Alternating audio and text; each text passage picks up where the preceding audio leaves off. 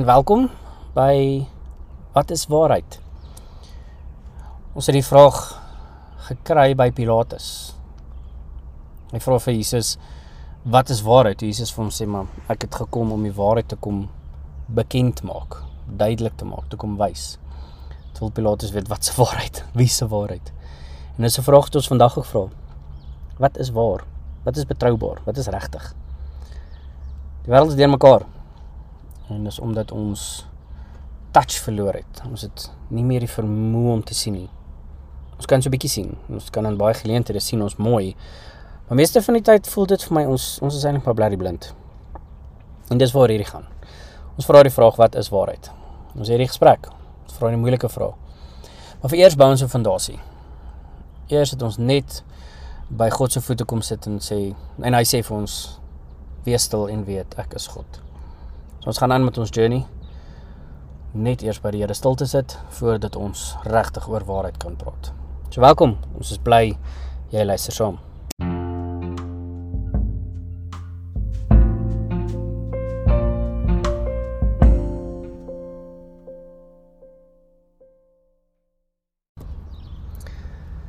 Deel 2 van ons eerste idee van wees stil en weet ek is God.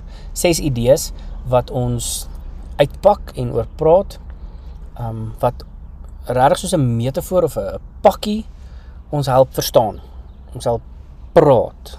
Net vir ons handles gee op wat is geestelike groei? Wat is geestelik volwasse raak? Saam met God loop, in Jesus glo. Um 'n Christen wees, verhouding met God hê. Dis al hierdie idees wat ronddryf wat eintlik maar vaag geraak het.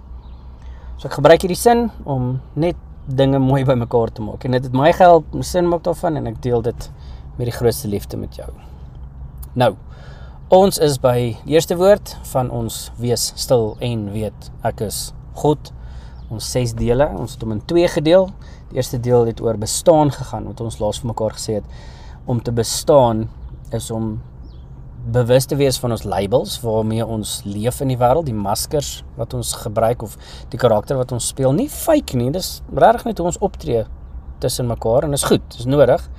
Maar dieper as dit het ons dimensies waar waarvan of ons leef. Ons het sekere ehm um, areas in onsself wat ons kan onderskei as intellektueel, sosiaal, geestelik, uh emosioneel en fisies, die areas van ons eie mens wees wat ons van mekaar sal kan losmaak om weet apart oor elkeen te dink en bietjie te journey met elkeen, maar ons onthou dat ons een wese is. Ons moet hulle laat integreer. Die invloed op mekaar moet um vir ons duidelik wees anders is ons los skerwe en kan ons regtig nie groei nie. So om hierdie ding is grootste genesing wat daarmee gebeur en as jy hulp nodig het, wil ek jou regtig aanmoedig. Praat met iemand. Soek iemand wat kan help reik uit. Moenie alleen struggle nie. Ons is nie gebou om alleen te sukkel nie. Ons is gebou om in groepe deur hierdie goed te werk. Dis hoekom hierdie tipe platform useful is dat ons kan saam praat. Saam journey. Ehm um, as jy nou en dan agtergrondgeluide hoor, ek het besluit om op 'n publieke plek die podcasts op te neem sodat dit natuurlik voel. Net 'n authenticness aan dit het. Want dis wat ek hier probeer gee, wees en kry is net regtig regtig realness, eerlik. Ons het ek dink vir te lank net aanvaar dinge is soos dit is. Maar nou klink dit vir my ons is op 'n plek waar ons regtig vra vra. Ons is regtig eerlik oor luister, ek kan nie meer ek wil amper sê met die bullshit saamleef nie. Ek het nou nodig om eerlik te wees. Ek het nou nodig om regtig reël te wees met waar ek is. Ek het nie 'n klou wat in myself aangaan nie. Ek weet nie waar God in hierdie hele ding is nie. En dit is hoekom ek die vrymoedigheid wil neem om jou te nooi om saam met my eerlik te wees. Net regtig te wees oor waarmee ons besig. En dit is nodig vir vandag se gesprek ook want ons beweeg soos monsters, masjiene. Ons is net aan die hol elke dag, heeldag. En ek weet nie of ons altyd weet waantoe of hoekom ons hol nie, hoekom ons beweeg nie. So 'n tweede deel van wees van mens wees is ons beweeg. Jy moet beweeg. As jy nie beweeg nie, is jy dood. Jou liggaam is besig om te beweeg. Jy maak heeltyd nuwe selle. Jy's besig om in jou verhoudings te beweeg. As jy dit nie iets daan doen nie, dan gaan daai verhouding dood. Ehm um, as jy moeite maak met jou verhoudings, dan gaan hulle in 'n rigting. So wat doen jy aan jou verhoudings? Wat doen jy aan jouself? Wat doen jy in jou lyf? Hoe beweeg jou lyf? Beweeg hy glad nie? Sit en word jy net vet en ongesond voor 'n rekenaarskerm? Is jy bewus van wat met jou lyf aangaan? Hoe beweeg jy emosioneel? Waartoe beweeg jou emosies? Is jy in 'n spiral, in 'n gat in op pad? Of is jy actually bewus van hoe jy jouself oplig en vir beter dinge streef? So in al jou dimensies, jou hele menswees is op pad. Jy's aan die beweeg, maar weet jy waantoe? Ek het vir meeste van my lewe, ek is nou 37 met die opname van hierdie podcast, het ek nie regtig opgelet waantoe ek beweeg nie. Ek het net reageer op wat voor my gebeur. Ek het vir die langste tyd nie jessie verder as 'n paar maande vooruit gedink nie. En dis maar my natuur. Dit was maar my normaal. Ek is 'n impulsiewe in the moment tipe persoon en ek het dit leer aanvaar. Maar ek het ook besef dit is een van my shortcomings. Dit is een van my um downfalls is my verhoudings en my lewe kry seer omdat ek nie vooruit dink nie. Ek het nie klou waant ek op pad is jy nie. Ek het nou my paar jaar gevat tot my mense rondom my se frustrasie Maar van ons weer, ek het ook met sulke mense te doen, is so doelgerig dat hulle nie van jou weet nie. Hulle kry nie saam met jou geleef nie. Hulle ver, hulle is so taakgerig en so daar ver in die toekoms dat hulle die hier en nou mis. Hulle kry nie dinge gewaardeer nie. Hulle worry net altyd oor môre en jeeg, dit maak vir my moeg. So ek wat 'n nou in die moment tipe mens is, sukkel om met sulke mense saam te leef. Dit is vir my effort as iemand so ver in die toekoms leef, so doelgerig is dat hulle net nou mis. Hulle is net hulle loop bouer mense. Nou erger en met minder ek, ek generalize nou verskriklik. Maar mense beweeg. En almal van ons eintlik. Ons kan nie regtig help nie teen 'n ongelooflike spoed. Ons die wêreld beweeg net flip en vinnig. Nuwe dinge word opgedink en nuwe verwagtinge word op ons afgedwing. Jy voel net jy moet heeltyd perform. So voordat ons nou vir mekaar weet fantasize van my kreatiewe impulsiewe wil net stil sit filosofeer tipe wat wil hê kan ons net op beweeg. Dit gaan nie gebeur nie. So kom ons wees eerlik. In steede, kom ons figure ons beweeg uit. Kom ons dink oor ons beweeg. En 'n model wat ek in die besigheidswêreld opgetel het, um het hom gehelp, maar dit was vir my lekker toe ek 'n soortgelyke en vir my amper 'n beter taal daarvoor gekry het in die Bybel. Het in die Bybel 'n stuk opgespoor wat net alles vir my uitgesort het. En hy kom in twee plekke in die Bybel voor en ek gaan hom net met jou share en dan sal jy sien waar dit gaan. So in Paulus se brief aan aan die Christene in Korinte, 'n groot stad in Griekeland, wat was altyd. Nee, is nog steeds so. Ehm um, skryf hy dat hulle die lewe soos 'n atleet moet aanpak. Die skrywer van die Hebreërsbrief, wat ons nie weet wie dit was nie, skryf in hoofstuk 12 gebruik hy ook of sy gebruik ook 'n sportmetafoor om oor die lewe te praat. Vir Paulus gaan dit oor sy lewenstaak om Jesus se storie te vertel en vir die Hebreërs skrywer gaan dit oor 'n lewe wat beter is omdat mens in God kan glo. Beide gebruik dieselfde beginsels om iets te sê oor hoe die lewe geleef moet word. So ek wil bou op hierdie idee dat my beweeg vir God is, my beweeg na God toe en van God af.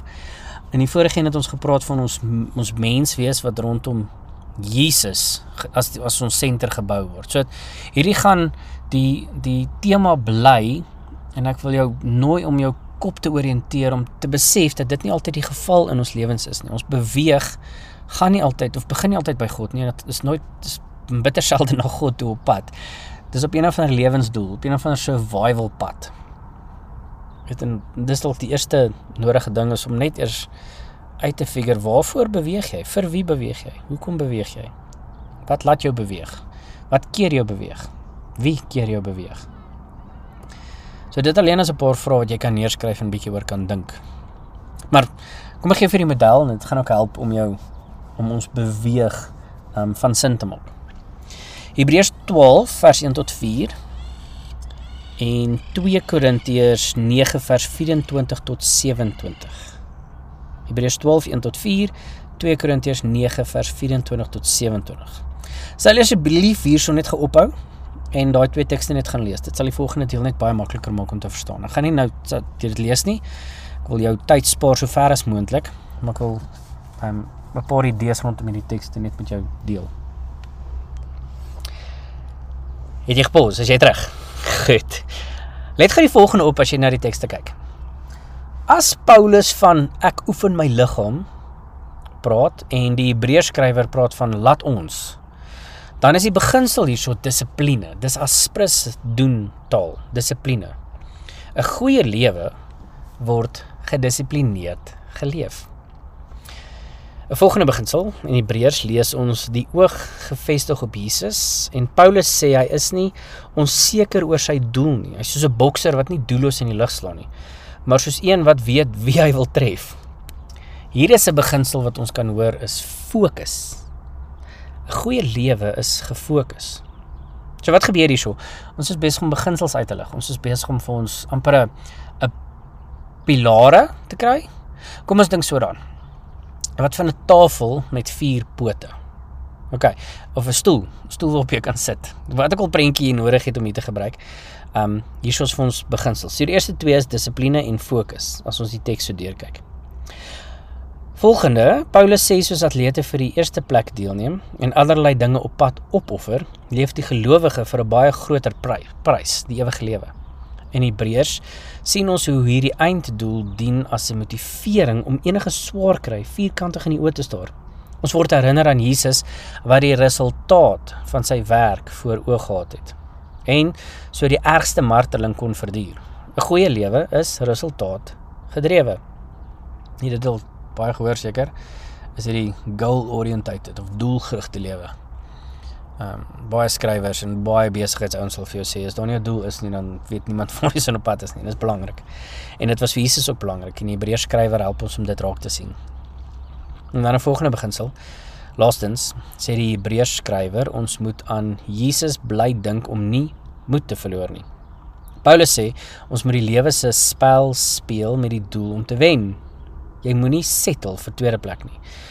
Dis waar ons motivering, ons motivering lê. 'n Goeie lewe is gemotiveerd. So hier is ons vier beginsels. Met vier pilare. En dit help ons om 'n geloofsgelewe 'n geloofslewe te leef, 'n goeie lewe. Dit help ons beweeg, net ehm um, laat sin maak, laat goed gaan. 'n Lewe wat saak maak. Die vier is dissipline, fokus, resultate en motivering. As jy aandag aan hierdie vier areas gee, sal jy sukses van enige huwelik, spanprojek of in die algemeen met die lewe kan maak. En dis 'n beginsel wat ek reg oral sal toegepas het. Ek het geoefen met hierdie. Jy kan my maar glo of gaan try self. Gaan kyk net in die volgende ruk. As jy net redeneer wat is my dissiplines? Waar is my fokus? Wat is die resultaat? Resultaat waarvoor ek werk en wat hou my gemotiveerd?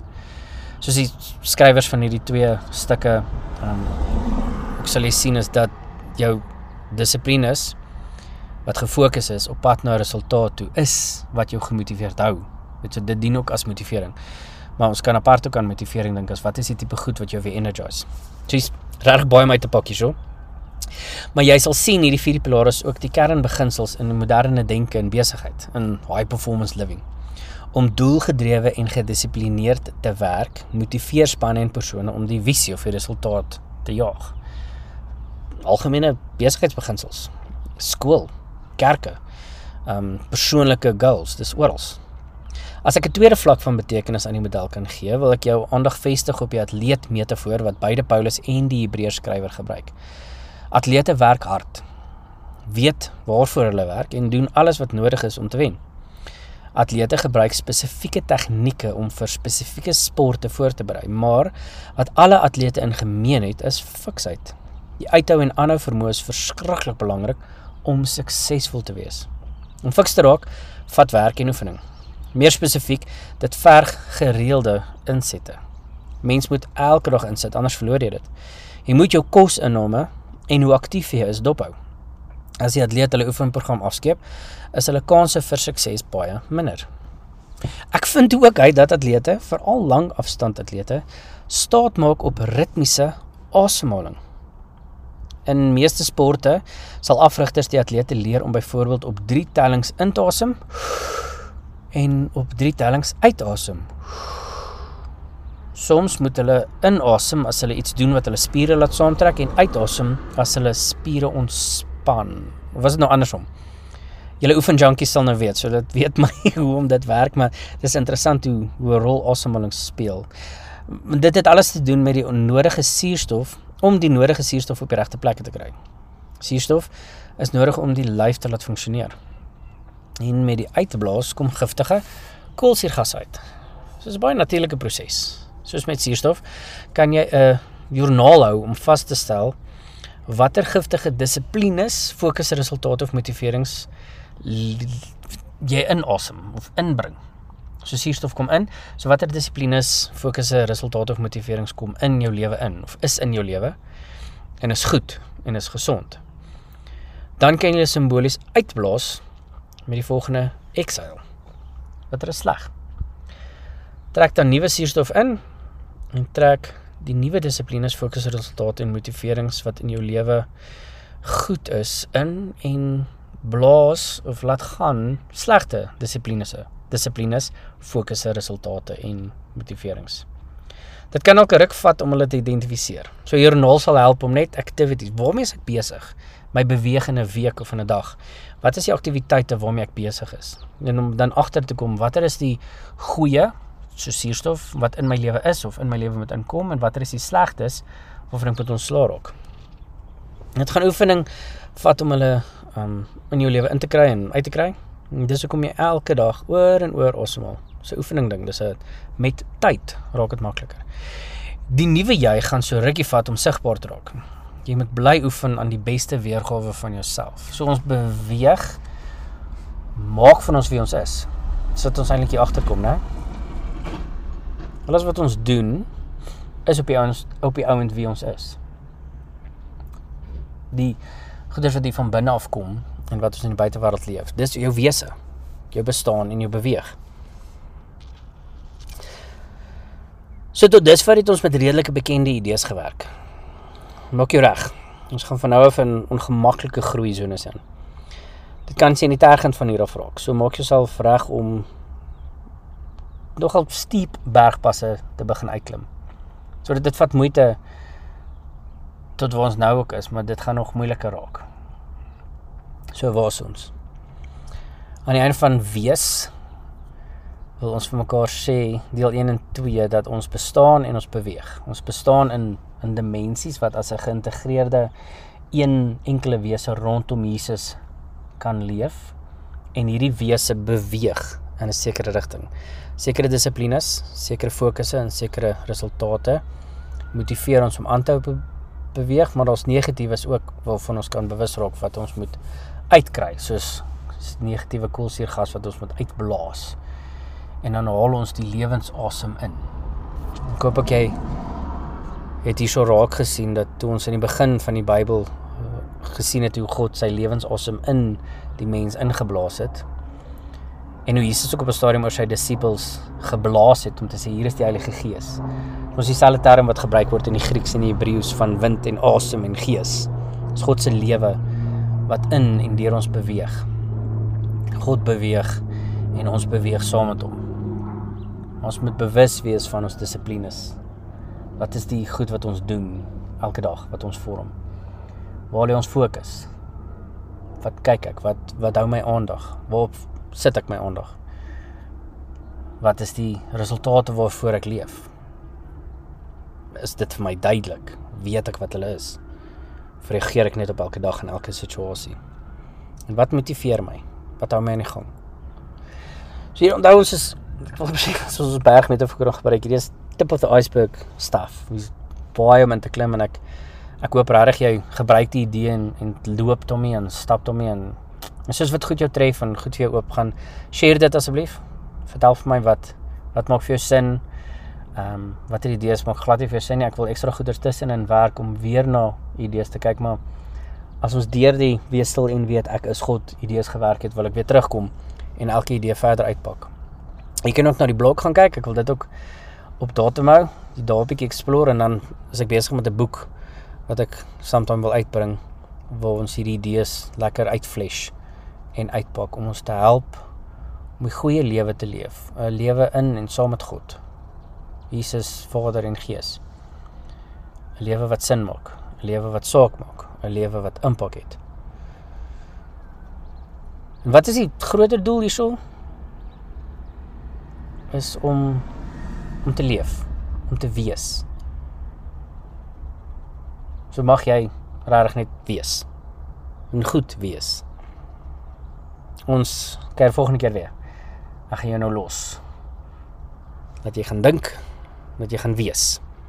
Wees wat jy kan wees en wees wat God jou maak om te wees.